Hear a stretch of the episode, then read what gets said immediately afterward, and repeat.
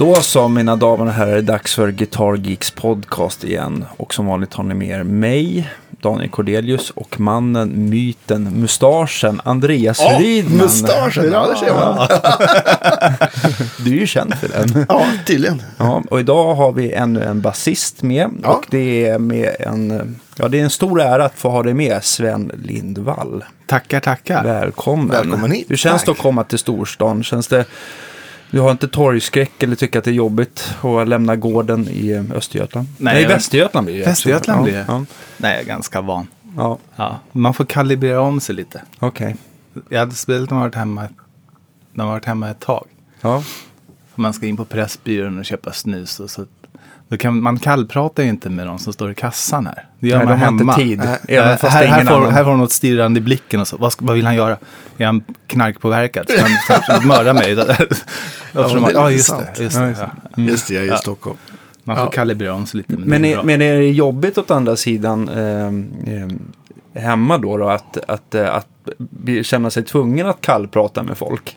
Nej, men jag tycker om det. Ja. Jag var lite obekväm med det till en början. Jag tyckte att, men det, det är ballt. Det är, en, det är nog någon form av social kontroll man bor på landet. Ja. Det är som våran grusväg hemma. Man hejar ju på alla man ser. Och det har man gjort i allt så länge det har funnits grusvägar. För att ifall det har hänt något så har du i alla fall sett människan i ögonen. Du kanske har hört rösten. Ja. Och liksom sådär. Det, jag tror det är en form av så här, social kontroll när man inte är så många. Man Ja, kallpratar. jag. Ja, men jag är också från, jag är från en by med 350 invånare. Ja. Det är hemma nu och jag, 35 sa du till mig. 35, Nej, precis. Ja, de är jättestora. och, och jag hälsar också på alla. Då brukar vi, i början så frågade vi min tjej, vem var det där? Så Nej, jag vet inte, men vi hälsar på alla. Det är så man gör. Ja, så gör man. Ja. Jag- Men vad händer om man inte hälsar då, tänker jag? Blir man utfryst ur samhället då, eller? Nej, jag Som vet inte. där, äh, Det, min rädsla är, ja du vet, Rydmanspojken, han hälsar ju inte. Han har ju gjort stor på sig sen Han han har flyttade blivit till lite Stockholm. märkvärdig. Ja, nej, men det, det har man ju inte och det vill man ju inte att folk ska säga. Så att, Nej, jag hoppas de inte Ja. tycker så om Nej, dig eller, eller, eller, eller er överhuvudtaget. Ja, de tycker säkert så om mig, man glömmer ju alltid att vinka. ja, förlåt. Ja. Glöm aldrig att vinka. nej. Eh, du som är kanske en av Sveriges mest mediterade basister, har du, har du räknat ut hur många produktioner du har medverkat på genom åren? Eller? Nej, jag har noll koll. Noll koll. Jag har ingen CV. Och jag har kort minne. Tyvärr. Som, jag känner igen mig. Ja. ja, men hur började om man liksom, för du kommer ju från en musikalisk familj. Du har ju en bror som är världsklass på trummor. Ja, Ja. Alla bröder spelar väl? alla Ja. spelar. Ja. Ja. ja, men det spelades mycket hemma hos oss. Det gjorde. Men ha- hade du musikaliska föräldrar eller var det bara att ni Ja, fick... de ju- spelar också mycket. Okej. Alla möjliga instrument. Ja. Mycket piano och, och gitarr och dragspel och sådär. Ja, Så det fanns ju alltid massa instrument hemma. Du men du växte upp med basen i knät eller vad började du spela för någonting? Det var rätt sent jag började spela bas. Min brorsa Leffe som spelar trumpet, han började spela bas som biinstrument när han gick på Ackis. Okej, Eh, Så då, fann, då fanns det en elbas hemma. okej. Det var någon torsdag där som jag hittade den där. Hur gammal var du? Kanske 14, det var rätt 14. sent. Okej. Och då så lyssnade jag på, eh, då satte jag på Mad Men Across the Water med Elton John. Mm. Ursäkta. Då tog jag ut den. Det var jätteroligt. Och sen tänkte jag, okej.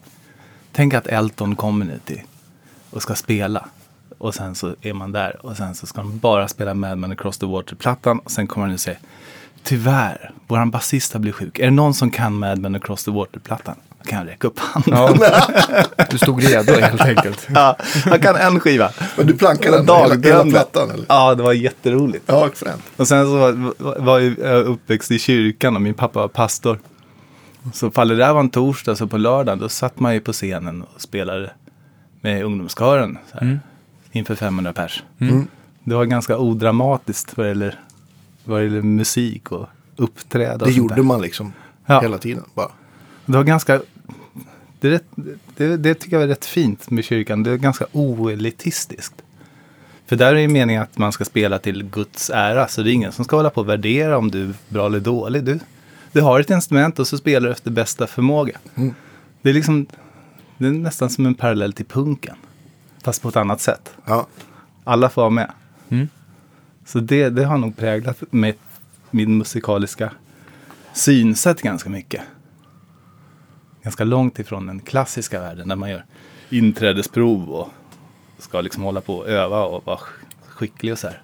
Här var det mest bara lira på. Lira utan noter och efter, efter gehör bäst det gick helt Ja. enkelt. Ja, lära sig den. Man fick ta dem på, precis, man kanske fick några sådana här harmer och sen så, Ja. så sa han, ah, vi tar bossa på verserna och så sving på refrängerna. Ja. Okej, visst. Det var, det var, en bra, det var, det var, det var power-tricket. Bossa på verserna och sving på refrängerna. Det var bara last. Var det någon... eh. Alla låtarna. Så, Ja. dun, dun, dun, dun, dun, så blir det sving på refrängerna. Så gick man tillbaka till bossa på verserna. Då var det fräckast. mysigt. Där har ni, där har ni den magiska formen Receptet, helt ja. enkelt. ja, visst. Det är ett hitkoncept tror jag. Ja, det tror jag. Jag tror det är för lite bossa på verserna och sving på refrängerna Mm, nu ja. Det kommer komma nu, jag, efter det här programmet. Det, det, Ja. Se vad Max Men, börja, men eh, då började du spela i, ja, men i, ja, men i tidiga tonåren började du spela bas. Och, så sen, Ja. och spela i kyrkan. Och, blev det så att ni åkte iväg och spelade liksom med... Och sen träffade jag några kompisar från Bengtsfors. De var uppe här på någon konferens. De hade en, en gospelgrupp. Och de tyckte häng med oss och spela bas. Ja, Så då fick jag åka varje helg. Sitta och åka tåg ner till typ trakten där jag bor nu egentligen. ja just det. Och lira på helgen. På samma ställe då eller? Nej, massa olika. Men Massa de var, olika, det så- var så ju då där, var det turné där, liksom? där Ja. runt om. Ja. Får jag fråga, vart växte du upp någonstans? Sollentuna. Sollentuna? Ja. Okej. Mm. Så du är, ja, du är en riktig stockholmare egentligen? Sollentuna-unge. Ja. Förortsråtta. Ja. Eh, men okej, vad hände efter då det här gospel? Du var liksom Sen då... startade man ju band Ja. spelade massa band och höll på. Eh, det var jätte... det Ja, man, man tänkte inte så mycket på det där med musik. Alltså sådär, för det var så naturligt. Det, det, var, det fanns så mycket när man var barn. Mm. Jag kommer ihåg när jag var sju år gammal och hängde med en klasskompis hem. Och sen så kom man in i vardagsrummet och så, så kolla, var har ni pianot någonstans? Och så sa han, vi har inget piano. Jag blev så här chockad. Va? Har de inget piano? Det var lika själklart som Det en är som att komma in i kanske. ett kök där det inte finns en spis. Det är lite så här, ah! Men spelade ni mycket hemma så här att ni kunde så här dra en låt efter middagen på en tisdag eller så här? Ja, jo men det hände. Jo, Ja. jo. det gjorde det. Det lät överallt. Och vi bodde i en gammal tvåfamiljsvilla och, och, och farsans brorsa bodde i andra våningen. Mm. Och de var ju fem barn. Och, och farsans brorsa byggde fioler och stod i trapphuset och provade fioler. Det var Och ni var fyra bröder hundar och katter. Och det, var, det lät dygnet runt hemma hos oss. Nästan som ett kollektiv. Ja. Vad mysigt. Ja. Väldigt, ja. Va- Fast vad det var- var ju ens vardag, man visste inte av någon. Det var inte så att man kände, åh vad mysigt det är med all musik och alla bara jammar. Och det var ju, sånt var livet. Vad, vad var för, din första egna, eller din första egna bas? Här? Vad var det för något? Eh, min först, min först, jag först levde på brorsans Fender-kopia och sen köpte han en riktig jazzbas. Då levde jag på den i några år. Ja. Sen när jag var 16 kanske, då var jag i England på språkresa. Och då köpte jag mig en egen jazzbas. Nej, den köpte jag i Sverige. Jag köpte den aldrig någon i England. Så det var en jazzbas, 72. 2500 betalade jag. Ja. Den har Staffan Astner nu. Jaha, som sin okej. main-bas. ja. Han är lite som en svamp tycker jag när det kommer till att dra Mm, åt sig men- fina instrument. Ja. Jag har kvar min första bas. Men vi, vi, vi tappade lite viben för varandra och så hade inte den blivit spelad på på säkert 15 år. Okej. Och så provade jag, vilken skön bas. Nej, men, använd den, du får inte köpa den men du får ha den. ja, perfekt. Så det var säkert 10 år sedan, 15 år sedan bara det. Okej. Den har det bra där i Hägersten. Absolut, det, Mm. det förstår jag. Men ni, har ju, ni spelar väl en hel del tillsammans? Jag tänkte på Bronk. Ja, Ja. vi försöker. Vi, nu, ibland hamnar man ju som frilansare på lite olika motorvägar, Ja. riksvägar. Ja. Att man har olika typer av gig och då kan det ju gå. Nu, nu spelar vi inte så jättemycket ihop. Men rätt vad det är så Så, mm, så kommer man till en vägkorsning igen och så är man på samma väg. Det, det, Ja. det är olika där. Okej. Men så är det med hela musikerfamiljen tycker jag. Ja, men så är det. Ja. Verkligen. Nice. Det brukar vara, ibland kan det vara som, vissa människor kanske man har spelat jättemycket med något år eller två. Sen ses man inte på ett år för att man är ute på helt olika saker och bara, Jag är ja så kan det vara. värdelös på att hålla kontakt med musikerkompisar. Men det spelar egentligen ingen roll. För när man ses då är det som, Vanligt. som, ja. som Ja, innan visst. man skildes åt. Ja, det är Det är trevligt. ballt. Det är häftigt. Hur, jag tänkte så här, efter eh, gymnasiet och sånt där, eh, började du jobba med, med, med musik direkt då? Eller hur? Ja, Jag halkade in på, en, på, en, på ett lätt nepotistiskt sätt. Nej, det var det inte. Det var en krissituation egentligen. Då var jag väl 19. Då lirade jag runt med massa band och hade lite speljobb med lite allmänt diverse. Och, och jobbade extra på, på långvården. Eh, och lirade på helgerna. Och så var det en sommar där när, när, när 84 var det. Då skulle Rickfors ut på turné och Per skulle vara med. ja, just det. Och sen så, då skulle Coffee vara med och spela bas. Mm. Och sen två veckor innan, då hade han kvar sitt band Shine. Om ni kommer ihåg det? Nej. Så här, typ, ska man säga, Earth in a Firelight. Nej men då, de var jättebra. Då fick de värsta så här typ Rock am Ring-gigget i Tyskland. Okej, okej. Och, liksom, och han kände att det här är rycket, som, sista rycket. Det var lite på väg ner med Shine vad jag kan förstå. Okej. Och så liksom, nej jag måste ta det här. Så han hoppade av två veckor innan han skulle börja repa med Rickfors. Så, och alla Sam Bengtsson och Rutger Gunnarsson typer, de var ju upptagna på annat. Ja, just det. Så då kom Per på den geniala idén. Min lillebror ska lira bas, han är asbra. Han kan hoppa på. Så, så det, det, då fick jag åka på turné med Rickan. Eh, och det var jättekul. Skitroligt. Ja. Var det Micke Nord på gitarr då eller? Nej, det var Key Marcello. ja det var Kjelle. Ja, Härligt. det var Kjelle. Ja. Kjelle, jag och brorsan och halva turnén gjorde Peter Ljung och andra halvan gjorde Jörgen Ingeström som måste ha varit 17 då eller något. Ja. Och så hade vi backtracks. Jättespännande. En, en, en sån här Tascam 38, sån här åtta kanaler på halvtum. Mm. Som stod bakom. Som man, man fick starta på. Fick Och- brorsan eh, och, sköta den? och byta. eller? Jag kommer inte ihåg vem som gjorde det. Jag tror inte det var, det var inte på alla låtar, men på en del låtar hade vi backtracks. Det var skitspännande med så här körer. Så hade jag en sångmix som man stoppade in i sladden i basreflexen på monitorn. Så det inte syntes att den inte var inkopplad. Ja, det. Var asglammigt. ja. Man är inte så här jätteförtjust i backtracks nu för tiden, men jag tyckte det var så här, wow, vad proffsigt, vi har backtracks. Nu är det på riktigt. ja, nu är det på riktigt.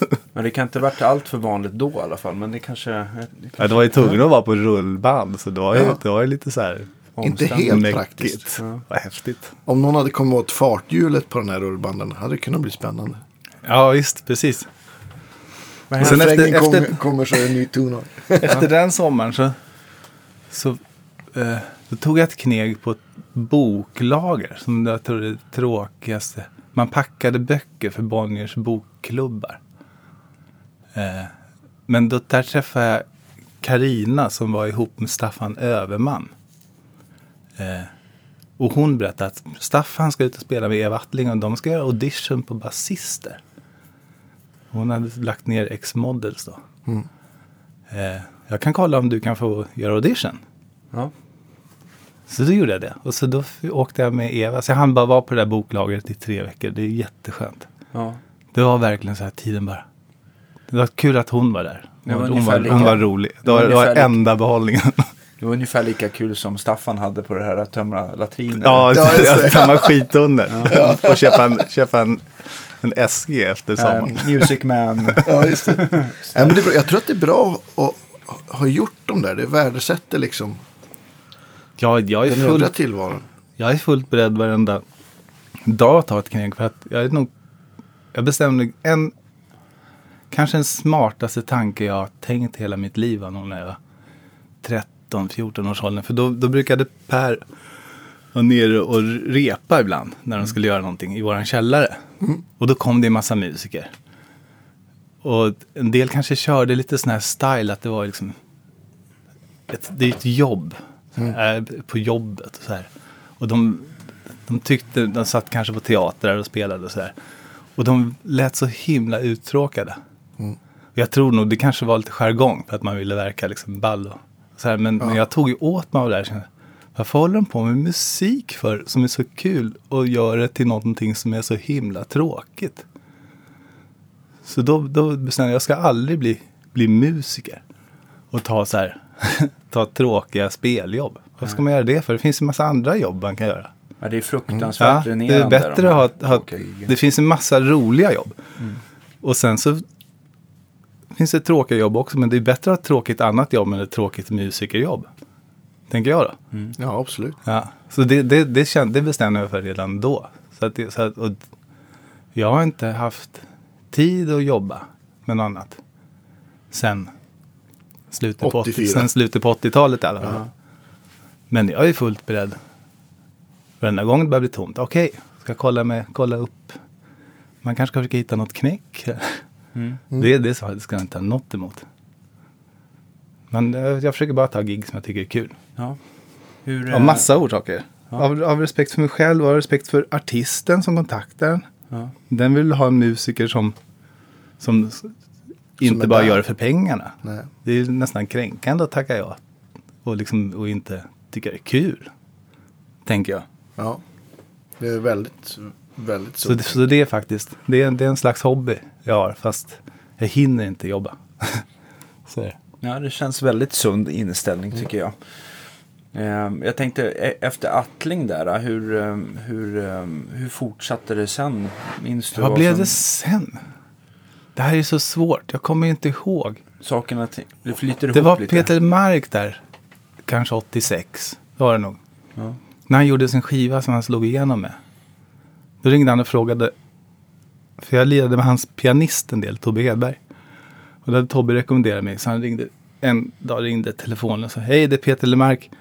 Eh, spelar du kontrabas? Och jag hörde mig själv säga ja. Och sen så eh, sa han, vad bra. Då kan vi, kan vi säga torsdag om tre veckor på MNV i Vaxholm. Ja visst, kul, ses. Och så där, bara, jag har aldrig hållit en kontra. Jag hade tittat på de där jag hade, jag hade fula på tittat på de där i kyrkan som hade så tre centimeter strängar i den. Då ringde jag till, till, till min gode mentor Backa Hans. Backa, hjälp mig. Ja, men det är lugnt. Jag, jag har inga gig på några veckor. Jag hinner inte visa er någonting för jag är ute och spelar. Men du får låna min kontra. Så, så åkte jag och hämtade hans kontra och övade till fingrarna blödde. Ja. Och gjorde den där inspelningen. Och sen så åkte jag ut och spelade på Trio. Vad är, det, vad är det första man slås av när man liksom plockar upp eh, och ska lära sig kontrabas från att vara ja, vanlig bas helt enkelt? Är det att det, Ja, det är- extremt tungt och påfrestande eller är det Ja, det intonationen som är det svåraste? Det är en kombination av intonationen och att överhuvudtaget få ljud i den. Alltså att, att, få, att få den att... Mm, Ja. sådär. Få liv i, i Ja, ja. få ton i den. Att det inte bara blir fjäs. Det är de två grejerna kämpar man med, tycker jag. Man får slå man kan Och sen liksom- får man ju ont i fingrar, blåsor som spricker och Ja. vätska. Och, alltså, I alla fall jag är tvungen att öva så intensivt. Det blir tokigt, men det funkar ju. Ja. Det är det. Och då började, det var så roligt för då precis den, så, den skivan slog han igenom med. Skivbolaget hade tänkt att droppa honom efter den skivan om det inte hände någonting. Och det gjorde det. Så att vi började på Trio och på studentnationer och vi fick typ så här 500 spänn var. Och sen så i slutet på sommaren då stod vi på var det Olympen i Lund med flera tusen. Då, så här, och så såg Fullt man band, typ. det där när, när liksom man märker att låtarna spelas på rad. Det blir mer och mer så här. Man är mitt i det och jätteskojigt. ja, kul. Men Det har varit med, med, med Peter och så med Erik Gadd också var det samma sak när han slog igenom. Då var ju också så här på turné. Och man leva på små ställen och sen så blir det... Hur det växte. det, var, sko, det var skojigt. Ja. Men- big Men, time. men var det i den vevan också du började spela med, med Gadd, slutet 80? Nej, det var nog början på 90. Efter Lemark var det nog var det lite Sky High i tre år. Just det. Och massa annat.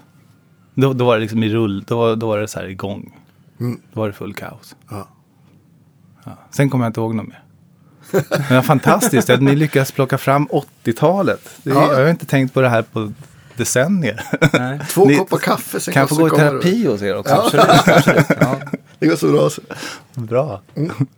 Radiosänd eh, terapi. exakt. det är skitradio. Ja, Det kanske finns är det vi gör. Det är det inget, finns det är ju- ingen gitarrpodd. Det är, Nej, Det finns ju radiopsykologen. Musiker. Det här var en variant på den. Precis. Jag upplever att eh, du känner att, eh, att 012 är lite för hårt för dig alltså. Ja. Du ska gå ner till 011. Hur känner du nu? Berätta. Nej, men, hallå, stainless. Säg inte ordet.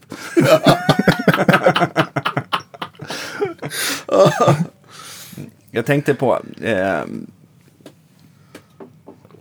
blir man pryl, blev du prylmedveten ganska tidigt eller har- är det någonting som har växt fram? Eller har du, hur, hur nördig är du på en skala? Skulle Det är kunna- svårt. Det är, nog fram, det är nog upp och ner för mig. För när jag, väldigt, när jag är väldigt mycket musik i huvudet, då hinner jag inte tänka på prylar. Mm. Så då, får, då, då, då, då använder man det man har.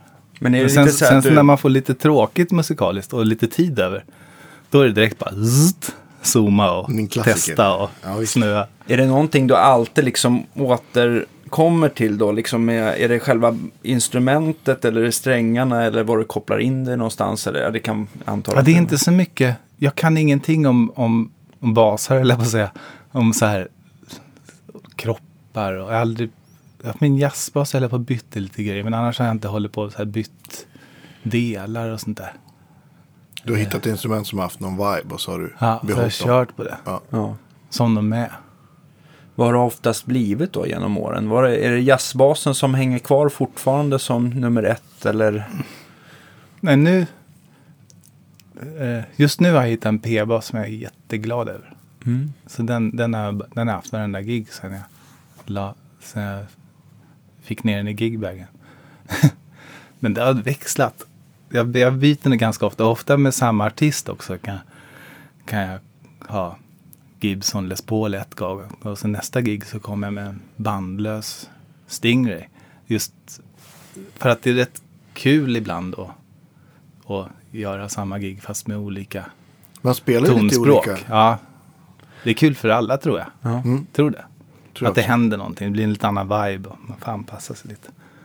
Brukar jag du få jag så jag komplimanger då för att du liksom var en fan ikväll lät det extra bra? brukar- Det är, ingen som, det är ingen som pratar om basljud. Måste göra. Men kanske. ibland, ibland, ibland när folk ska ge en komplimanger, det tycker jag är jättegulligt. Jag, jag får sällan så här, någon kommer fram och säger, fan vad bra du spelar. Så här, men de kan säga så här, ja, eh, hej, eh, bra ljud du har. det tycker jag är gulligt. det kanske, jag vet inte, jag, jag, jag, jag kanske har hybris nu, men jag, jag, jag inbillar mig att de tyckte att, att jag spelade fint. Men de säger, vilket bra ljud, bra basljud. Säger de. Ja, det känns som en ganska så här, typ Det är någon, svensk någon kommentar. inte blyg, det? sån här skön blyghet. Ja. Men man blir väl ge- gena, jag tänkte med Lemark där när du hade kontra med det. Då Mm. blir man väl genast kung, herren på täppan så där bara åh. Jag tycker själv när man har varit ute och spelat med, med, med trion där vi också har kontrabas då blir ju, då blir ju folk väldigt så här glada i just kontrabasen. Ja men det gör de. Den, Ja. är, de, den är så snygg och stor och, Ja. och sådär. Så det, det blir... Men lite fascinerande. Alltså. Ja, ja. Kanske. Ja. Jo, Inte riktigt fast- samma sak med. Jag är en så här, scenmässigt är jag en, en klockren beta-personlighet. Alltså jag tar ingen, ingen plats. Jag står där och ser till att allt funkar, att det klingar och att liksom, vad som händer. Ja, nu spelar en det så här. Men jag är ingen sån här som står och vänder mig åt publiken. Och, yeah, nu kör vi! Är ni med? Uppsala! Så här, utan, Stage diver, nej, walk två. nej. Och du, det, det, så det är inte så många som kommenterar vad jag gör eller inte gör. Det är inte så många basar som du har slagit sönder från sista låten. Så. Nej, nej, nästan inga fak faktiskt. Eh, noll, ja. Faktiskt. Coolt. Ja. Jag tänkte på en, en sak som eh, jag tänker så här när man jobbat mycket i musikaffär. Då ska man ju liksom eh, många kunder som eh, ska köpa elbas och sådär så ska man ju liksom förklara för dem lite grann eh, eh, ljudskillnader mellan till exempel jazz och p-bas och sånt där. Hur man, jag kommer ihåg jag fick en säljkurs från Fender och de tyckte så här, ja men P-basen det är ju som att få en, en, eh, en, ett slag på kinden med öppen handflata. Medan jazzbasen låter mer som en att man har ett, får slaget fast mer som en karateslag då, då med sidan av handen. Jag använder inte det så ofta, det salespointet, men, men äh, håller du med? Du är på riktigt, det är Corona 2007. så- Oj, jag, Jag försöker tänka mig. jag vet inte. P-basen den har en slags midpuck. Eller som, jag, tycker, jag tycker ganska samma grej som mellan Telecaster och, och Stratocaster. Mm, det är en bra jämförelse. Jazzbasen är lite del- jazzbasen. Ja, den, är- den är lite öppnare. Och eh, det kanske går att göra lite mer med den. Och, och tele och P är mer kött och potatis. Ja, det är sammanfattat det väldigt bra Ja. tycker jag. Hur låter sig då en, st- om man liksom tittar lite i Fenderskolan, utvecklande en Stingray för folk som inte har provat en sån? Kan man, Mandelkubb är det första jag kommer att tänka på. Nej, jag vet inte. Stingray är, ja, den är aktiv elektronik. okej, så att det blir mycket mer Another rock. kind of beast. Ja. Ja. Ja. Den är mer liksom någon människa som säger I can be whatever you want. Fast det är inte sant. Men man tror det. Ja. Den, man vill tro det. Eller Ja. Och, men ja. P-bas och jazzbas som är det här är jag. What you see is what you get. ja. Har, du- har du också några, jag tänkte så här, några riktiga high-tech basar? Sexsträngade neck-through med Tyvärr. Men supermycket där, bling. där, där vill jag gå någon gång. Okej. Ja, jag skulle vilja köpa en Fodera sexsträngad. Det vore Det jätteroligt. låter dyrt. Ja, det är säkert svindyrt. Säkert hundratusen. Ja. Men det vore jätte... Jag har en Alembic.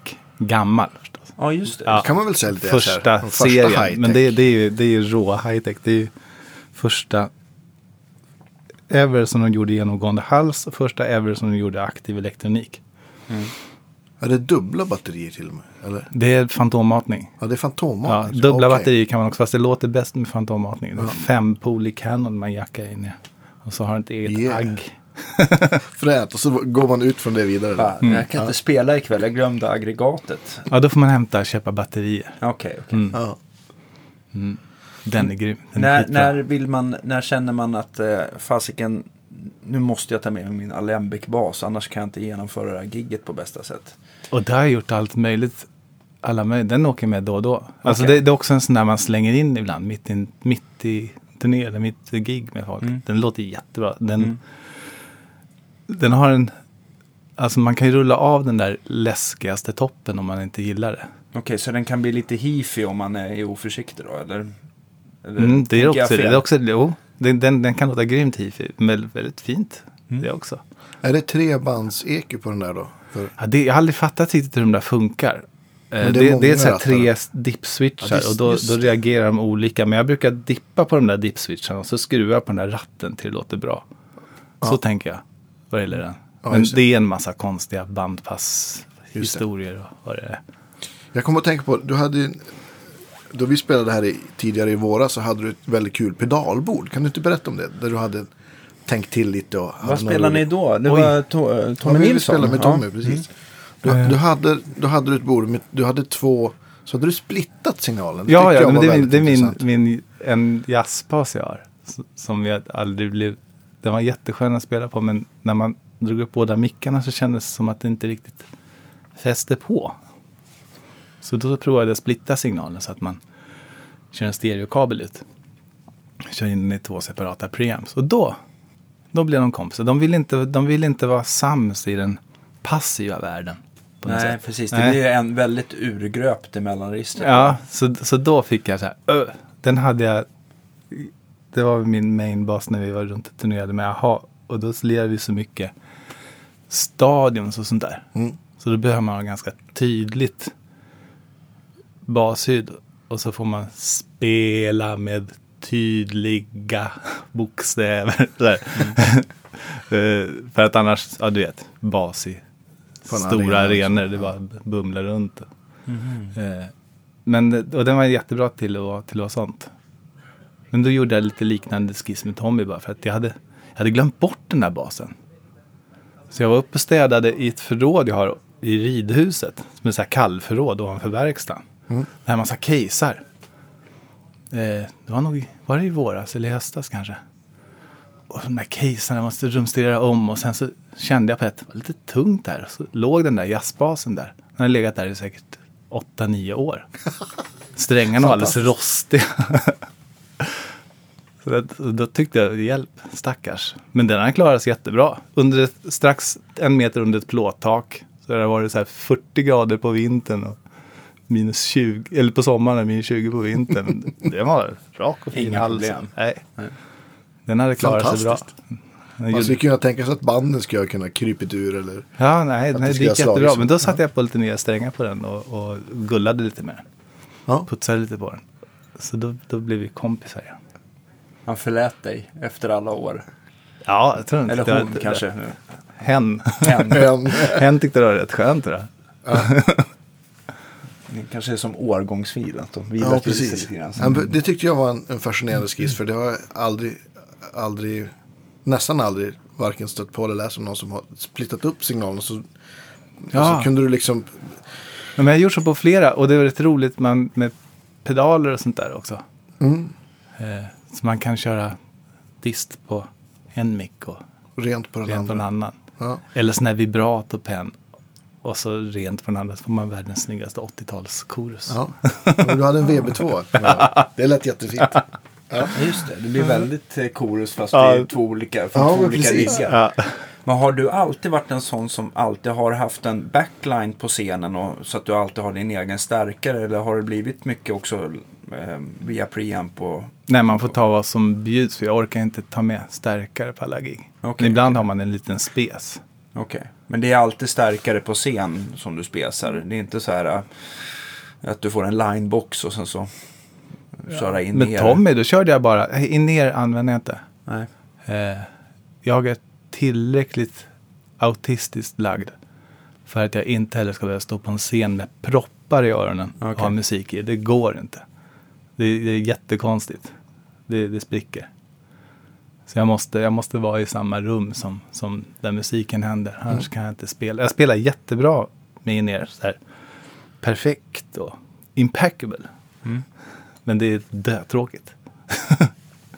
det verkar Ja, det är som du inte är grej. ensam att tycka så. Nej, ja, men jag, jag, jag, jag tycker, eller jag, jag har liksom en idé, eller musiken, det sitter en publik och vi är i ett rum och musiken finns i det här rummet. Jag kan inte stänga ute mig från det.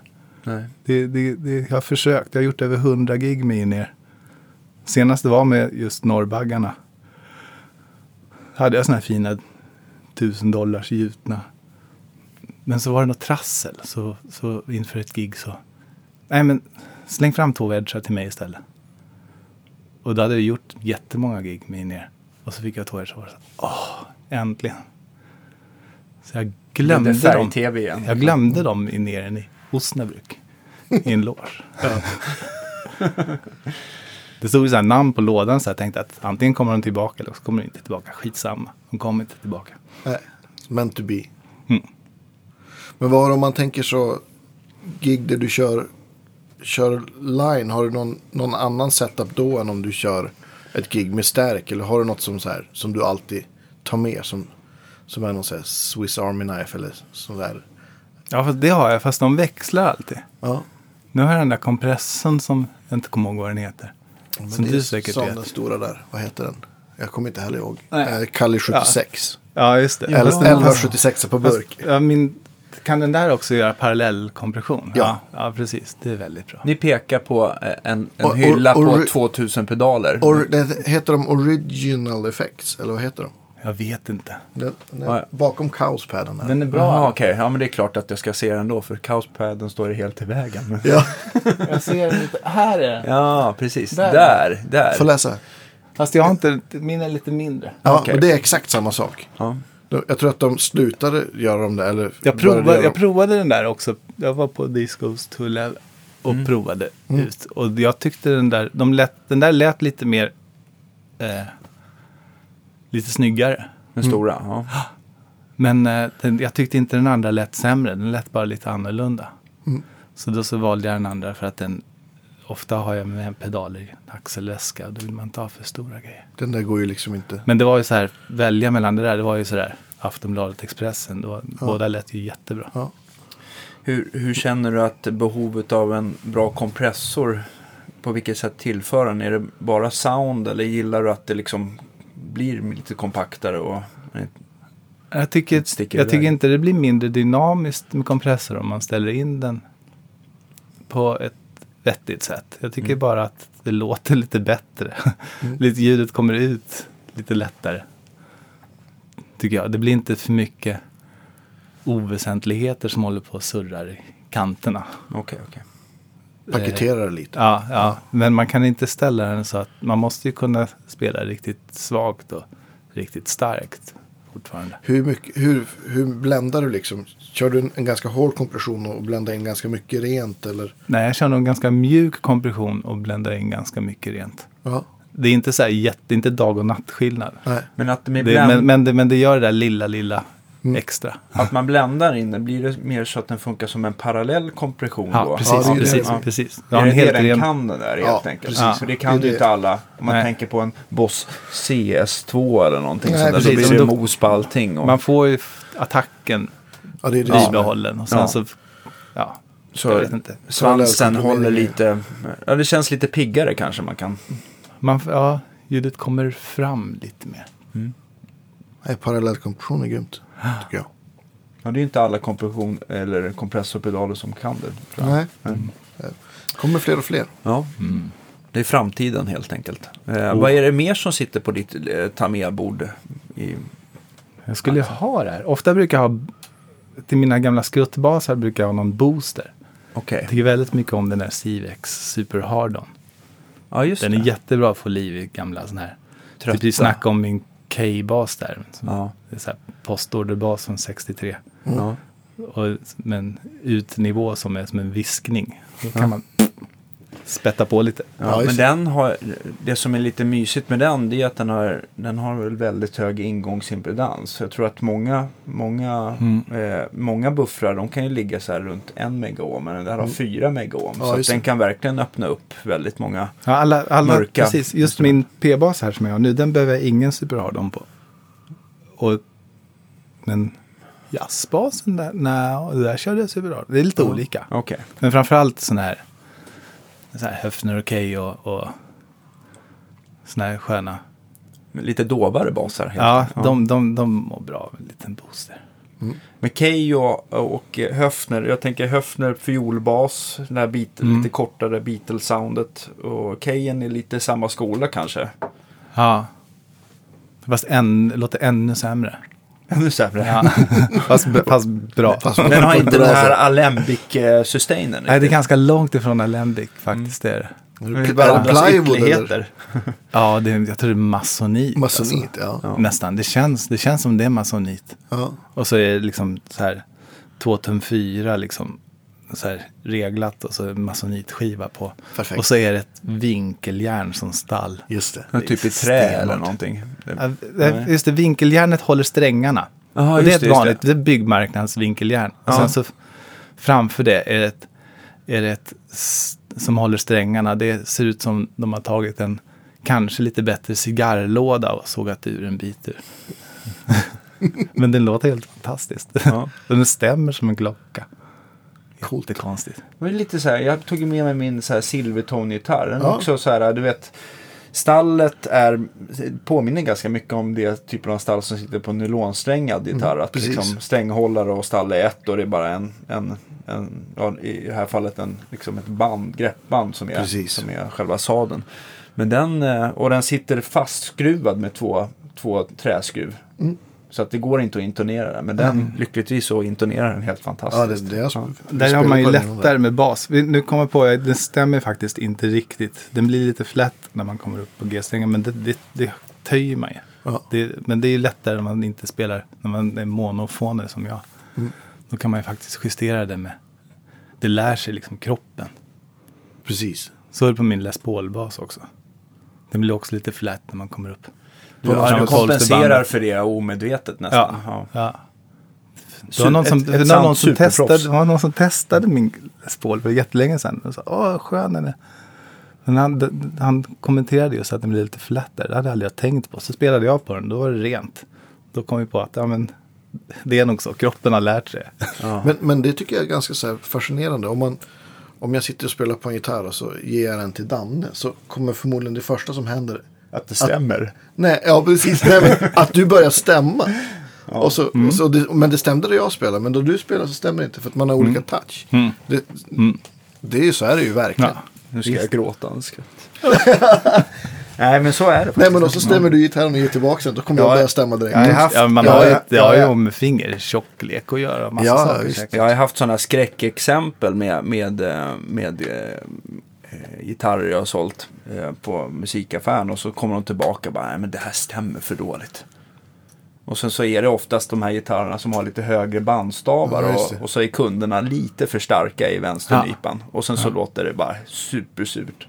Mm. Och så blir de inte allt för kaxiga när man eh, liksom pekar på att du, om, men det stämmer ju när jag spelar så här och bara Ja. tryck lite lättare så ska det, och så provar han det så, så går upp ett ljus. Mm. Funkar bättre. Vad härligt. Allt är lika kul. jag förstår det. Jag förstår det. Det är liksom litet mått av skadeglädje, men bara så här lagom. ja, men, men det är skadeglädje fast man försöker vara så snäll. Ja, precis. ja. Vi pratade om, du nämnde AHA här förut. Hur, hur kom det sig att du började spela med AHA? På 90-talet, nu, på 90, nu fortsätter terapin här. Ja, titta. Eh, på 90-talet så gjorde, då gjorde jag och brorsan, vi gjorde ganska mycket sessions i Norge.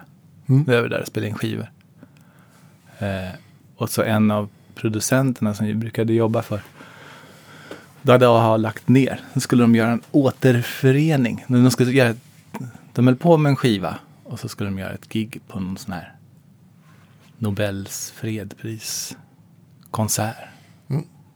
När de, just, de delade in fredspriset i Oslo så är det någon sån här konsert. Eh, och då, då frågade de om vi ville vara med. Och sen så började vi, ja vi spelade, sen gjorde vi klart den där skivan med dem, eller spelade på den. Och sen började vi turnera när de återförenades igen. Just det. Så var det. Det var kul, det var jätteroligt. Ja. Är det samma atmosfär i liksom att vara musiker och spela in i Norge som Sverige? Är det jämförbart eller kan man dra några tydliga skillnader hur det funkar? Nej, det är helt, det är helt beroende på vilka som... Nej, det, det, Såklart, det är personkemirelaterat Ja, även där. Precis som här. Ja. det, nej, men det är inte så stor skillnad tycker jag. De är Nej. lite glassigare i Norge kanske. De har ofta Asså. så här lite flashiga prylar och så här. Man ser fler så här Fairchild-kompressorer i Norge, inbillar jag mig. Okej. I alla fall då. Men jag har inte Men gjort, är jag, är men jag har inte så? gjort sessions i Norge på säkert tio år nu. Okej. För att det, det försvann när budgeterna började droppa. Så jag vet inte hur det är nu. Men alltså, om man tänker gitarrprylar så, så tycker jag att det har varit så. Om man, om man backar liksom, norrmännen var väldigt tidiga på att haka på den här liksom boutique-trenden. Mm. Och, och jag tänker på, vad hette de då? Godlyd. Jag vet inte om de finns än, men de var väldigt tidiga med att sälja alltså boutique-gitarrgrejer och, och förstärkare och gitarrer. Mm. man Ungefär som såg- custom sounds, nästan samtidigt. Ja, precis. Finska custom sounds. Och Men alltid när man kommer till en studio i Norge så ser man alltid så här, wow, vilken balla, ball utrustning då. Ja, så- var det med studieutrustning också, vill jag. Det, det, det har jag för mig. Ja.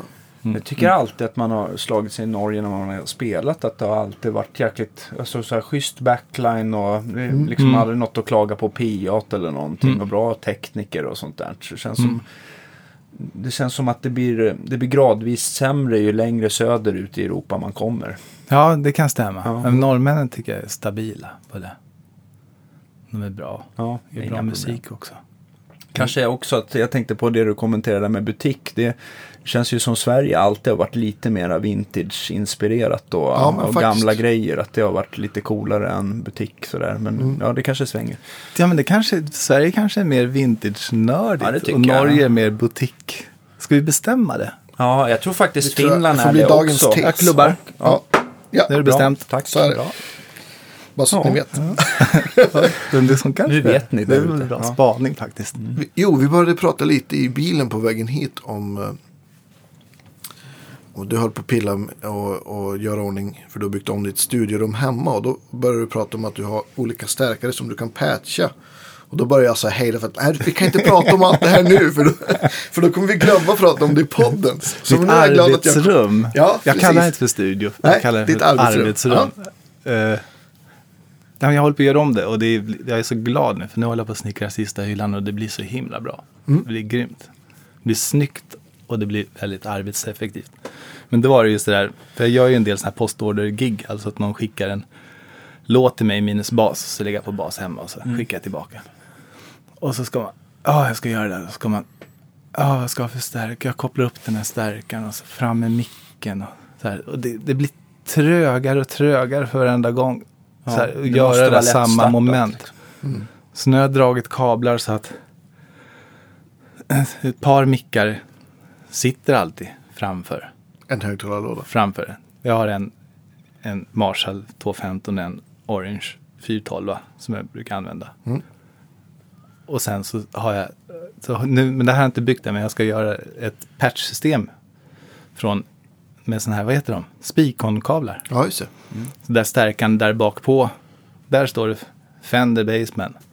Just det. Och det där står det Ampeg, vad det nu heter. Vad heter de nu igen? V. V4, Fyra, ja. fast inte B. Ja, Ja. sådär. Ja, jag ska ha V4 till Orange. Så, så patchar jag. Ja, just det. Så du bara vrider. Ja, och micken det. sitter där. Man slår på micken i med kanalen. Man är igång på 42 sekunder. Ja, visst. Eh, Är det alltid samma mick som du föredrar eller kan det skifta även där? som Det, jag har faktiskt, hemma har jag en go-to som jag gillar. Det är en ganska ny eh, Neumann-mick som heter M147. Okej, en stor membrans... eh, Stor membran, så här fake-rör. Okej. Är det Det är som någon de, de gör så här, 47-variant, rör, ja, men de vill väl det, men de, de gjorde en rörmick där liksom typ strömmen går igenom ett rör. Men Fast det är massor med annan Ja, elektronik i. Den är ganska, ganska sågad. Men den är bra. Men den, den som sångmix är den så proximitetskänslig. Mm. Så folk tycker att "Åh, det blir bumlig sång. Eller, men man måste hålla avståndet. Men som basmick, i och med att den är proximitetskänslig så Så blir det är, väldigt det blir en liksom. jätte, den blir jättekul som basmick. För du kan... Nej, men jag vill ha lite mer bummel. Flyttar man fram den två centimeter. Får man mer bummel. Ja, just det. Så den kan, den kan liksom... Den är, jätte, och den är jättebra basmick. Ja, Och då jag- faktiskt, jag var i... Vad heter, den, vad heter den i London? Är det Sun Studios, den här stora? Nej, det är Memphis. Vad heter den i London då, Eh, som också har tre bokstäver? Och så, nej, inte Abbey Road. stor sån här filmstudio.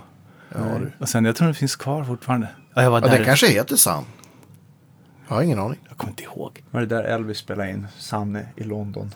Ja, det är. Sanne som spelar in det. Ja. Det är för att du har en Sun Studio-mugg där. Ja, det kan därför, jag kommer Ja. inte ihåg. Ja, Men ja. hur som helst, jag var där och då, då det hade de en, EMI, en gammal, fanns det där också? Eller? Det lärde väl av. Ja, nej, vi, vi Gammal ja, Portaflex. det. Mm. och en sån, och så, vad har ni för mick? Jag har en sån här M. Och så kom jag på, jag har ju också en sån mick, men jag har aldrig provat den på bas. Men eh, det var säkert, det var tio år sedan. Men den har blivit go-to på bas, den är jättebra. Kan, man, kan man förklara det här med proximity-effekt begripligt för en som inte alls har koll? Ja, Jag har ingen koll heller, men jag vet att det blir bumligare ju närmare man kommer en mikrofon. Ja. Precis. Och Mer olika bas. mikrofoner är olika benägna för den där bumligheten. Ja, jag Det- tror det- att det- alla riktade mikrofoner som typ njurmikrofoner Ja, precis, ja. är, medan De- kulmikrofoner inte alls har det. Nej, de är inte lika känsliga. Det är, mer, det är när man är en njure som det, som det, som det uppstår, liksom så här, som man märker. Man kan säga att de, de har en rak frekvensgång i basen vid ett visst, vid ett visst, an, vid ett visst avstånd. Och kommer man närmare så blir det bashöjning och kommer man längre ifrån så, så tappar man botten helt Mm. enkelt. Ja, Precis, olika mickar har olika benägenhet för Ja, det här. Det är där min, det är min hands-on amatörförklaring för detta. Sen så kan det Jag säkert... tror att en- den var väldigt bra. Ja, och jättebra. mm, Brukar du, spelar du in line också då? Eller kör du bara mick? Eller? ofta brukar jag dra en lina också. Mm. Men efter det, eh, dra en lina lät inte så bra. Spelar mycket. Det ska vara roligt på jobbet. ja. Eh, men det, jag tycker att det är lite problem när man spelar in line och mic. För man får ju får ofta så här skjuta spåret lite. Mm, ja, du får. Line-spåret. Det blir så här. eh, Det blir aldrig, ja, ibland, man får sitta med det där tycker jag. När man kör line och mic. Mm. Men jag hade aldrig problemet när man spelade in på 24-kanalsband där. Jag vet inte varför. Tänkte aldrig på det då. Då gör man line och mick, upp med stärken. Bra. Är det för att man kan nu eller? Ja, kanske det. Jag vet Kanske. inte. Kan det ha något med Öppen fråga. att göra? Ja, det blir någon slags latency på, på det Ja, den, upppickade ja, spåret. ja, helt och om man zoomar in så ser man ju också att, alltså det kan bli rent fasfel förstås. Ja. Det hörde man ju när man spelade med 24 också, då flyttade man micken. Ja, men här, nu är det bra. Ja. Eh, men nu är man så här, nu tycker jag det lätt blir så här äggigt. Odistinkt. Ibland så hittar man läget, ja men här sitter det. Och då är det jätteskönt med linen, för att där, där kan du flytta basen i djupbild i micken, hur långt fram den ska. ja, just det. utan att liksom påverka. Du kan, du kan, ifall du har en- den i en buss, Mm. drar upp linen samtidigt som du sänker bussen så du har samma volym. Så Just känner det. du att den åker, den lägger sig i djupbilden så här på olika ställen på samma volym. Så upplever, Beroende så upplever jag linen. För att det är en annan attack. Ja, precis. Den är, tonen, liksom, den är torrare och liksom Mm. mer kärnfull. Så det är användbart. Ja, Men det gäller att få dem att samsas. Mm. Det är inte så lätt alltid tycker jag. Ibland går det inte, ibland går det jättebra. Jag blir inte klok på det där. Nej, men så tycker jag att det kan vara ibland om man mickar med flera mickar. Ibland så blir det bara toppen direkt och ibland så tycker man att man bara håller på. Det blir, f- det Mm. blir bara fas och så slutar det med att man bara skiter i en mick för att man Mm. orkar inte hålla på. Det, det beror på var månen och solen står. Nej, men jag vet inte. Men om, om vi säger att du om du eh, måste spela in bara, bara line, har du något så här trick för att göra det roligare så att säga? Om du, så här, eller för, för en, om du ska spela in, göra ett basbelägg och säga, ja men det är line. Liksom. Ja, ja. Eh, beror på vad det för låt. Men, Men säg att det är en, en, eh, säg att det är en rocklåt då. ja, men då Du ska man, spela då plektrum. får man dista den lite. Mm. Får man ladda, stoppa på en decapitator. Precis. Ja, det är alltid bra. Lina och så... Är en plugg förstår jag. Ja, Ja, precis. precis. En dist. Den bästa Distplugg. distpluggen tycker jag. Det, är den, det är den som är formen för linad distbas. Hur, om man ska... Eller, eller, en, eller Sansan-pluggen också. Men den är mer brutal. Decapitatorn kan vara sådär så att det låter rent i mixen. Ja. Men, men den har den där grynigheten som Mm. gör att det, den blandar Den har ju också en mixkontroll så man kan ju Ja. faktiskt köra, en, Ja. man kan köra parallellt. Ja. Återigen, vi har snett in på parallellt idag här. Mm, tydligen. mm. Hur, jag tänkte också i live-sammanhang. Har du med dig på ditt pedalbord någon distbox då? Eller har du, hur får man Ja. en bra dist har- i stärken? Jag har en jättebra dist som jag, när vi var här och repade så lånade jag en dist av Ridman som han inte han fick tillbaka. Mm. Så, men, den, men, nej, men, nej, men jag, jag, Nej, jag köp, fick jag, ny. köpt, jag köpte en till honom. Eh, Likadan. ja, och gav tillbaka. Så han fick Vilken, en. vilken var det då? Det var, den heter Hookers Green Base Machine. Aha, One Bra, vad bra att det, Den, du den, den, till har vad så den kul, den har ett så kul namn så jag, det är Ja, därför jag kommer ihåg vad skönt. Men den, jag håller Men med, den- den, den- låter rätt bra till gitarr också. Ja, det gör den. Ja. Den är bra, den är bra för att den, det hörs aldrig tycker jag i stora ljudkakan att det är distbas. Den är väldigt så här, det, det kan vara när du solar, lyssna själv, bara fräser. Men i, i ljudbilden så hör inte den, det blir en annan form av energi. Okej. Så du kan, du kan liksom trycka på den när du vill. Det är ingen som hör att du trycker på disten, men det blir en annan energi i ljudbilden. Mm. Det, det är den jättebra på. Det är häftigt. Det är, jätte, Mm. det är så roligt. För det, det, det kan man... Man kan... När man spelar, det är ingen som märker att man har gjort någonting. Men ändå så ändras allting och ingen tänker på det. Du känner det dig som bra. en dirigent. Du bara gasar på hela orkestern. Det är jättebra. Jag tycker ofta så här när man har provat många basdistar så att säga så har de alltid, nu vet jag inte om den är hooker screen men jag har för mig att den inte är så. Att man, det är så här att man ska ha någon sån här bländpott även där. Att man ska blanda in så att det låter som att det är två skikt helt enkelt. Att det är Mm. ett distat skikt och ett helt cleant skikt som man ska blanda hur mycket man vill ha av vardera. Och det, jag vet inte, jag tycker Ja, oftast de här, jag, tyck, jag tänker att en, en basdist där liksom hela signalen distas lite grann oftast låter bättre. Till skillnad från Mm. den här OBD1 eller vad den kan vara från Boss eller någonting som, jag, som har lite annan funktion. Att man liksom, det blir som mer som en bländfunktion där som jag aldrig, ja, inte jag blivit klok på. Det kanske mer fuss tycker jag kan man blända. Okej. Tycker jag. För då blir det bara fräs. Då vill man ha på fräs. Så upplever jag det. Okej. En fussbas. Eh, Och då, Fast där, då får du kvar definitionen. Ja, liksom. precis. Ja. ja. Men den där disten, den där, den, där, den där boxen, det är inte så noga om man ställer rattarna på den. Nej. Man kan, den låter ungefär som den gör ändå tycker jag. Ja. det, det, är bara, det är bara, man kan ställa volymen så att det, liksom, det, den är samma härad. Sen, sen bryr jag mig inte om hur de står. Det spelar ingen roll. Den, den, den, den, den gör och den behåller botten. Ja. Mm. Finns det, finns det några andra, vad använder du innan den? Finns det något annat som du tycker ändå funkar bra eller är det bara den som gäller? Det är bara, jag har konverterat nu. Det är bara, nej jag vet inte. jag måste tänka. Vad har jag mer? Dist. Jag tänkte att det har ju fun- funnits mer från Björns Ja. bord, till exempel den här um, Blueberry. ja, just det. Ja, den hade jag, eller jag lånade den, testade den, den blev jag aldrig kompis med. Med professor där. då. Ja, ja. precis. Eh, men Nej. jag kommer inte ihåg. Jag har mass- Sansamp är väl också en jag gammal klassiker? ja, den har jag haft. Och den som heter VT Base. Ja. Just det. Med flera, alltså med, som man kan programmera. Som ska, som ska simulera en SVT tror jag. Ja. Som är mer kanske som en förstärkarsimulator än, än en dist.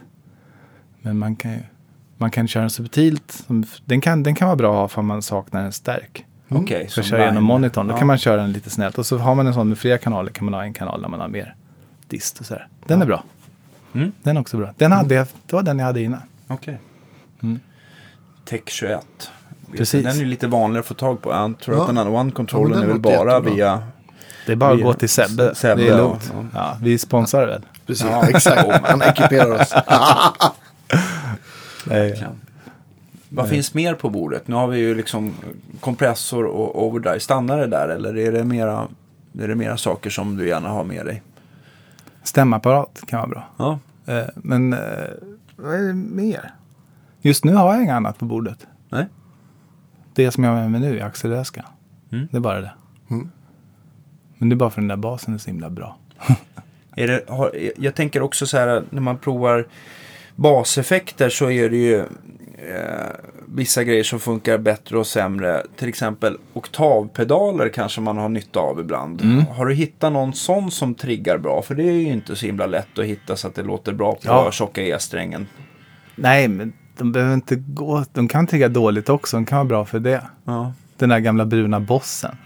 Den kanske inte OC. triggar. Ja, den Ja, kanske inte triggar så bra. Men det är rätt kul när det börjar joddla lite. Det har, ju- har ju ingen dött av. Du, du ser front of house få Och, och panik jag, där nere. jag tycker liksom att om man kommer ner till C, B lägre än så, nej, behövs inte. Kan man hellre lira mog, Mm. Mm. tycker jag.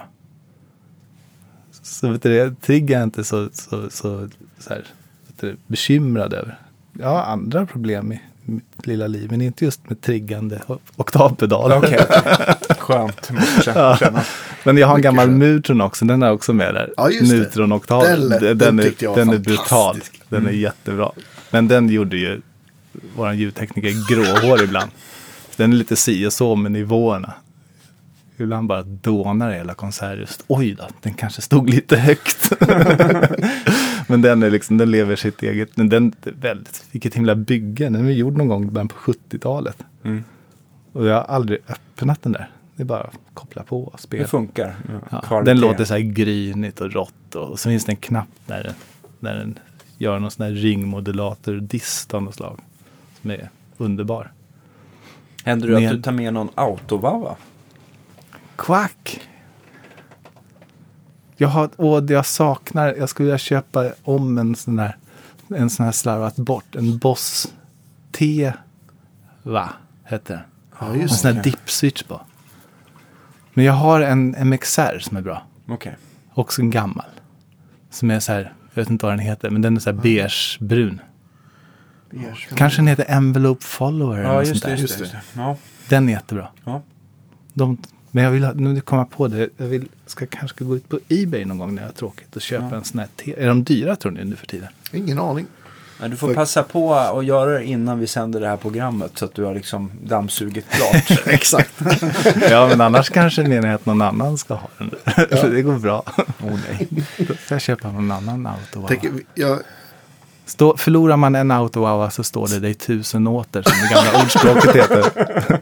Dagens visdomsord. Ja, Vi har ju pratat om, eh, om eh, basinspelning, men jag tänkte om vi, om vi ska prata lite om gitarrinspelning. För du är ju en väldigt bra både mix och inspelningstekniker tycker jag. Som har haft förmånen att jobba med dig. Så har du något, om vi, om vi tänker gitarrinspelning. Mm. Vad, vad, om, du, om du får välja, vad, hur, vad, hur, hur mickar du? Säg att vi ska spela in en, en eh, Fender Deluxe. Eller en, Fender Deluxe. Då provar jag kanske med en Shore... vad heter de? 555 en dyn, heter de det? De där som var 57 fast, Silvriga. fast innan. in, 545 heter 545 Ja, som de kanske. du de, har. Ja, men ja. De, de låter inte riktigt lika näsigt har jag Nej, de har som lite, 57 lite snyggare mid, tycker jag. Kanske prova en sån och sen så sätter jag kanske någon eh, ja, D12 eller någon sån där, någon sån där AKG stormembran eh, bakom kabinettet. Riktar den mot något hörn eller något sånt där. Ja, spännande. Så att För man får, så att man får, man får bumligheten. Ja, just det. Eh, och så vänder fasen på den. Så lyssnar jag hur det låter. Det kan, ja. Och så gärna en bandmick ett par meter ifrån. Lite rum från Ja. den. Ja, vad Ja. kul. Stormembrans Eller- bak. Det var, dagens tips för mig i alla fall. Ja, men det, det, det, det är bra. Det blir... När man bländar in det så låter det som en gitarrförstärkare tycker jag. Man får med hela kabinettet. Just det. Jag till och med provat det med 412 Mm. det, det är också inte underskatta. Nej. Även fall inte, det är bara en vägg där bakom. Ja. Ja, sätt, sätt, sätt också. en mick, eller kan- det kanske inte är helt bakom, men kanske 45 grader Mm. bakom. Så att man får med liksom högtalarlådan och rassel och liksom så att man känner att ah, här är en förstärkare. Precis, att det inte Och då blir... kan också den där frontmicken få låta lite mer liksom, eh, i ansiktet. Mm. Då behöver man inte hitta liksom, så långt ut på konen. Nej. Så upplever jag det. Om Så vi... att man kan få lit- man kan få den upfront men ändå är det liksom en, en hel modul som Just står och rasslar. För micka bak har jag gjort. Jag har faktiskt också mickat baksidan på en 412. Men stormembranare in i, Mm. in i ett hörn på en kombo. Ja, det, Prova. då blev jag lite sugen på att testa. Ja, det, Ja. nu vet jag Det vad var, du kommer vem var göra det? Det, var, det, var, det lärde jag mig för några månader sedan. Okej. Av en god vän som heter Ben Josef Östby. Ja. Han var i, vi var i studion och spelade in med en grej. Och då så, han är också ljudtekniker. Och då sa han, så här ska, och så var han så här, så här ska du göra när du mickar en Fender-stark. Och, här, och då så du, gjorde han det så. Åh, vad bra det blev. Ja, så här ska jag göra när jag mickar en Fender-stark, tack. och sen har jag gjort det, det blivit bra varje gång. Ja, cool. Fin- Finns det någon eh, stärkare som du artister kommer släpandes på som du liksom bara, åh nej, fasiken, det här är omöjligt att få bra ljud. Ja, jag, jobb, jag, jag jobbar, när jag jobbar som tekniker så jobbar jag i en studio där det finns jättemycket förstärkare. Så Ja. ofta så brukar man hamna med någon av studions stärkare. Okej. Eh, nej, så jag har, jag har nog inget sånt Problem? Eller, Problem. Nej. faktiskt. Har du någon favoritstärkare eh, som oftast återanvänds i studion nu då? Som du gillar lite extra? Deluxen som du sa, det, det är ju en sån här, det funkar ju alltid. Pratar ni Tweed Deluxe eller Deluxe Reverb? Vet du det? Om den är... Reverb Jag vet att den är svart. Ja, precis. Med inbyggt reverb och lite Ja, tremolo. ja, den har, ja, den har, den har ja. reverb och tremolo. Ja. Eh, vi har också en som heter Supro. Den är bra, Ja. den är fin. De Den har, bara, den har bara ett ljud. Ja. Man måste hitta, på, hitta där. När, Sweet när, spot. när man Ja. spelar soft så är det rent och så tar man i så är det dist. Ja, och där det. kan man också micka bakom och fram. Ja, just det. Ja, Det blir lite anslagskänsligt då, att det Ja, liksom ja. disten sitter i fingrarna. Ja, det, det, det är så fint. Det går, men det går inte. Det finns, ja, det finns ett ljud den är bra på, men det gör den jättebra. En så kallad one trick pony. Ja. Mm. Ja, Ja. men, Och sen så ja, finns det, det beror på. Man kan sparka igång någon gammal Magnatone också. Det kan låta antingen jättebra eller jättedåligt. Men de har ju ett fantastiskt vibrato oftast. Ja, Ja, det låter ju som inte som någonting. Det, är helt, det går liksom alltså inte man kan riktigt- få, får man tar en, eh, vad heter de nu? White Falcon va? ja, Gretsch. Genom en Magnaton och ställer vibratot. Då kan man, kan man få den låta som ett Fender Rhodes. Det är jättehäftigt. Ja. Det, låter, det låter så. Är det ett Fender-piano? Nej, det är en gitarr. Nej, det det är asballt. Jag har aldrig sen så- hört sen- någon effekt sen- som fixar det där, som gör det där. Nej. Gör det där Nej, jag tror att det är svårt. Sen det så är väl- Plexi Marshall eller 412, man blir alltid Ja. glad. Alltid glad. ja, Det det, är också, just, och det är även på snällare musik. Det behöver inte vara så här långhårigt och brynja och, och tights. nej. Det, det är, Ringbrynja. det, nej, det behöver inte ha det. Det, det är en fin kombination för mycket musik. Men om, du, men om, om man tänker då, om man tänker ett, eh, om vi tänker ett, ett, ett rockljud då, en Marshall. Skulle du Mm. micka den ungefär likadant då med en, en eh, 545 och kanske någon bandmick eller? Ja, kanske. Jag, jag skulle vilja... Nu blir jag sugen på Micka Marshall. Jag skulle vilja prova Mm. lite grejer. Jag kommer ihåg att Lennart Östlund, när vi spelade in, när han, när han var på Polar innan det stängde. Då höll han på och mickade alla fyra elementen med varsin vanlig 57. Ja. Och jag kommer ihåg att det blev jättebra. Höll på Ja. länge, ställde hit och dit. Och... Eh, Så det där är jag sugen att testa. De kan ju låta olika. Jag har, Ja, Jaha. men det gäller nog att vara noga. jag har så en det inte 412 bara där jag har blir- tejpat där inne. Det, den, det är Det- den längst upp till vänster, den som Ja, låter ja, bäst. ja. Jaha, vad är det Ja. för element i Det är sån här 20 watts greenback? greenback. Ja. Resio? Ja. Ja. Nej, det skulle jag vilja åt, åter... Det skulle jag vilja prova. Det, ja. Men det, det är också det är risk med många mickar att du ställer in det och så drar du upp reglerna. Åh, vad bra det låter. Och sen så startar du låten, sen så låter det ingenting. Nej, Och då, då har man helt enkelt gjort för mycket. Det blir för komplex information så att det liksom Precis. tar ut varandra. Så man får nog vara väldigt, man får, överhuvudtaget ju fler mickar man har på en stärkare desto mer noggrann behöver man vara för att det Ja. ska, så för att det ska kunna överleva en mix. Mm. Så det, det, man får peta lite. Ja. Blir det någonsin några hårdrocksproduktioner där ni sitter i, i studion? Ja, jag, jag har nog inte gjort några sådana här, inte, nej, jag har inte gjort det. Att det är liksom tungt distade gitarrer? Vad, som, Vad heter som, de där tyska stärkarna som de har? Jaha, Vad heter det? diesel kanske? Eller? Nej. Ängel. Ängel. Ängel. Ja, jag har aldrig mickat, Kettner. jag har aldrig mickat någon ängel eller, ja, nej. Eller om ni har ingen stärkare, om det är någon som efterfrågar ett sånt ljud. Att det Nej. är, det är ringbrynja och... Nej, tyvärr. Nej. Vi kanske får köpa en ängel, det låter roligt. Mm. det kanske är bäst i test, jag vet inte. Ja. Det är inte riktigt min... min eh, Ja, men det- jag har inte testat så många ängel. Man är inte in, man är in, jag tycker det är mycket metal, jag, jag lyssnar inte på metal sådär, men, men när man hör bara sådär, man råkar ut för det så kan man bli väldigt råkar ut här. drabbad av det. Det kan ju det är assuggestivt. Ja. Ja. Och det är en, det är en helt annan Det är ju ett annat sätt att Det, spela det, är nog, gitarr. det, det är nog precis, och, och, och spela in också säkert. Det är nog inget att jag, nej, jag fuskar lite som spelar in lite metal också. Jag tror att man inte har så mycket att hämta där då. Ja, men det känns så. Det, är väldigt, väldigt så här, Mm. det känns som att det är väldigt eh, stilren estetik. Det är liksom, man, man behöver veta mycket saker som i alla Ja, fall absolut. inte jag vet för att göra det där. Så det blir så där suggestivt. Det som ändå slår en när man lyssnar på hårdrocks, många hårdrocks eh, eh, vet du det, produktioner är väl att jag tycker att de oftast använder så mycket dist så att det nästan känns som att ljudet stannar i högtalaren lite grann. Att det inte får någon punch kvar. Och Men jag de mixar det oftast lite lågt. Det man hör är mycket, kaggen verkar ju vara liksom den står högst i hierarkin och sen Mm. så liksom kommer de andra trummorna och lite sång och sen så kommer gitarrerna och skvalpar på något märkligt sätt i Ja, ganska Men om, långt om man lyssnar till exempel på Meshuggah, det är, liksom, det är, väl, det är väl metal eh, mer Ja, än, ja, än precis. liksom hårdrock. Men de har faktiskt, tycker de har liksom inte så mycket dist. Nej. Det är ganska dynamiskt men det är ju så fruktansvärt brutalt. Ja, det är helt och fascinerande. Rammstein-grejerna låter ju helt fantastiskt. Ja. Men det är väl också Där- inspelat Där skulle av... man vilja varit en fluga på väggen och bara se. ja, men det pratade ju Ola om när här? han var här. Och det, Ja. har, det sa vi då att han borde vara gäst och det har vi glömt.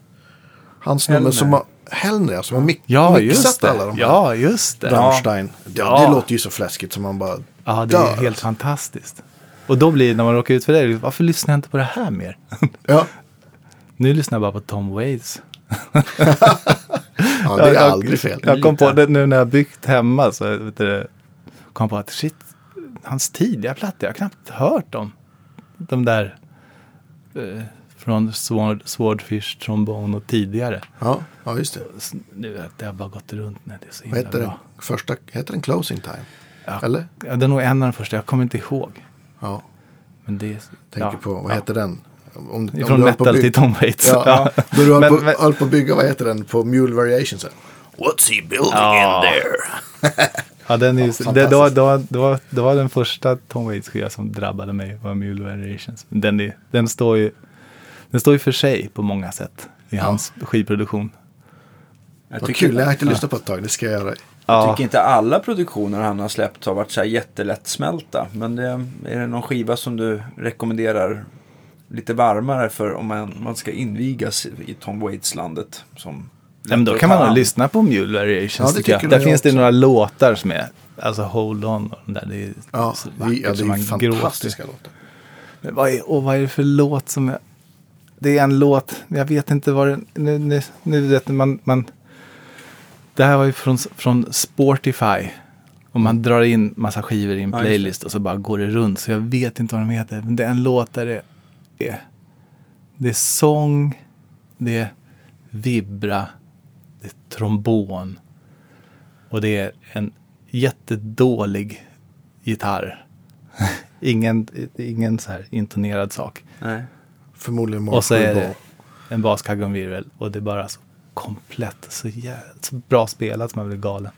Det är så bra. Ja, han är världsmästare på att skapa stämning i Ja, sina ja, låtar. ja. Det är, Fantastisk pianist. Han är bra på att traktera ostämt upright. Ja. Fantastiskt. Honky Tonk, eh, eller vad heter det? Wilda Western piano tänkte jag. Ja. Precis. Vad heter det? Vad, jag tänkte också på, eller vad tänkte du säga? Nej, Nej, jag, jag tänkte också på om man tittar lite grann så här från 2000-talet eller som om vi, jag vet inte om vi var klara med 90-talet ens. Vi har inte betat av 90, men det, vi behöver inte. Nej. Nej. Om vi, om vi det var nog med terapi. Men jag tänkte också, vi får i alla fall... Jag tänker mest på vad jag gör nu. Ja, Ja, det var dit, dit jag tänkte komma. Ja. Vad, vad, det, vad står i kalendern här framför dig nu då? Vad, eh, hur ser sommaren ut? Är det turnerande eller är det vara hemma och ta hand om hästarna? Nu har jag varit hemma sen i förra, fyra dagar i alla fall, Mm. på rad. Och det har inte varit sedan det här året började. Jag har haft ett arbetsskop som har varit ganska intensivt med massa olika saker. Ja, ni har ju varit ute med Tommy Nilsson i alla fall. Du har gjorde, jag har höll gjort på att spela in en massa parallellt med det också. jag har gjort massa. Det, det var, så nu ser jag fram emot en sommar med kanske 15 gig. Mm. Och sen ska jag sitta hemma och mixa en del. Mm. Det är så här lagom. Det är jätteskönt. Vad blir, det, vad blir det för eh, typ av gig i sommar? Är det samma Det är lite med Erik Gadd och lite med Carolina af Ugglas och lite andra grejer. Okej. Låter som en trevlig... Ja, det blir Mix. bra. Ja, och kunna Det- vara hemma lite mer ska också bli jätteskönt. Den är kul. Den spelar ju Torell på också, va? hennes senaste skiva. Mm. Den är jättefin. Ja, Mattias det är gjorde en jättefin spellista med låtar han spelar på. Ja. Då är det med ett gäng låtar från den. Ja, Det är är- det jättebra är jätteroligt att spela med kan jag Caroline. tänka mig. Hon är, hon är på riktigt. Inget tjafs där. Nej. Nej. Är det någon... vi, sen har vi vårat, typ Caroline-bandet har också ett, ett eh, eh, musik eh, kollektiv. Vi har fått ett, vi har fått ett, vi snackade om för något år sedan att vi måste göra, vi ska börja göra så här filmmusik och, och sådana saker. Mm. Där man går in i studio och bara lirar. Mm. Man har kanske man har läst manus och man liksom vet vad man vill göra men man gör, komponerar och spelar in i stunden. Mm. Vi fick möjlighet att göra det för några veckor sedan med, inför en teaterföreställning som ska sättas upp. Som handlar om den där, vad heter han, Mac, den där läkaren som bara fejkade, satte in plaststrupar på folk. som Eh, låg- ja, eh, Mac, macchiato. Dr. Macchiato. Säger det. ja, Nej, ja, men jag vet det. Maccarini, ja. något sånt där. Ja, Ja, det är en teaterspräs som Ja. har gjorts som, som har skrivits. Jag vet, hon heter Ylva Löv som har skrivit. Och Marika Lagercrantz regisserar. Eh, och då fick vi manus och läste på och mejlade lite och kolla. Ja men något sånt här, det ska vara lite plåtigt och hårt och lite. Ja. sjukhusfeeling. Och sen så drog vi till Stråberg och var där i två dagar och så gjorde vi all musik. Det var jätteroligt. Coolt. Jättekul var. Och Marika och hennes man kom dit andra dagen också och var med och var hippies. Och, och det var Fantastiskt. jätteskojigt. Det var euforiskt roligt. Så det ska jag mixa ihop nu när Mm. jag kommer hem. Första jag. Och då, och, det, och då spelas det upp under pjäsen så att säga? Eller? Mm, det, går på, det går på tracks då, Mm. på pjäsen. Precis. Coolt sätt att jobba. Jätteroligt. Mm. Jätteroligt. Jag tänkte på, eh, du som har spelat med i princip alla eh, högt anlitade gitarrister i det här landet. Är det någon du slås av som alltid har jävligt bra sound? Eller har alla det? Eller är det någon som sticker ut? Jag ser hur du tänker hoppas, hoppas. Jag tänker inte så mycket på det. Eh, inte när man spelar. Eh, då tänk, då, Kanske är bäst jag, så. Nej, men, jag, nej, men jag försöker tänka.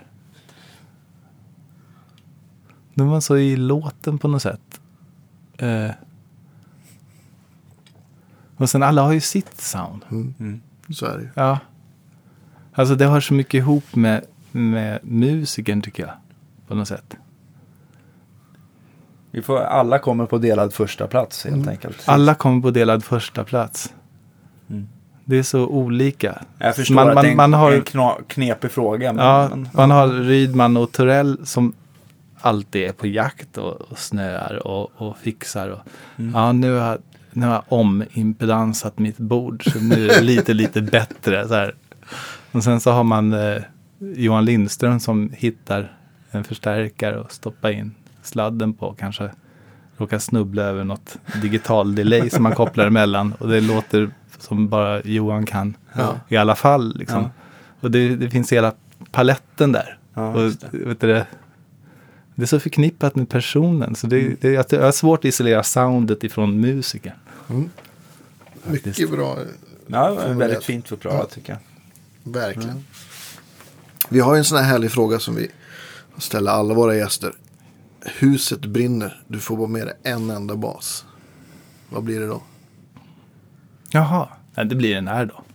Det är P- 50, 58 var det va? Fem, ja, P-basen, Ja, precis. Jag Ja. visste nästan att du skulle säga det. Så Ja. det var kanske lite för De andra får brinna upp. ja. Ja, Men det först, först räddade jag flakmoppen. Fast den står ju i ett eget garage i och för sig. ja. Så kan du lägga P-basen på Flakmoppen flakmoppen. först. Ja. Jag har sett bild på dig då du har kört till gig med flakmoppen. ja. Du lastade st- Mm. ampegstärk och... En SVT? eh, Nej, det är, nog, det det, är nog, det är nog min basement tror jag. Ja, Den, den, den är nog min favorit live. Baseman 135. Det är nog en, en av det är nog första stärkare jag köpte. är det den stärken också? Eller? Ja. Ja, vad coolt. Den har alltid hängt med. Den var lite så här, jag, var lite, jag ville helst ha en SVT men de kostade ju 4 000. Det gick ju inte. Nej. Det var ju hur mycket pengar som helst. Men den där kostade bara 1200. En sån här Baseman 135 från 70-talet någon gång. Ja. Den har alltid hängt med. Den är bra. Coolt. Verkligen. Stort tack Ja, för att du verkligen. ville Jag komma och, och gästa mycket vår trevligt. podd. Mycket ja. roligt att vara här. Ja. Tackar, tackar. Ja. Ha det så bra. Detsamma. Hej. Hej. Hej.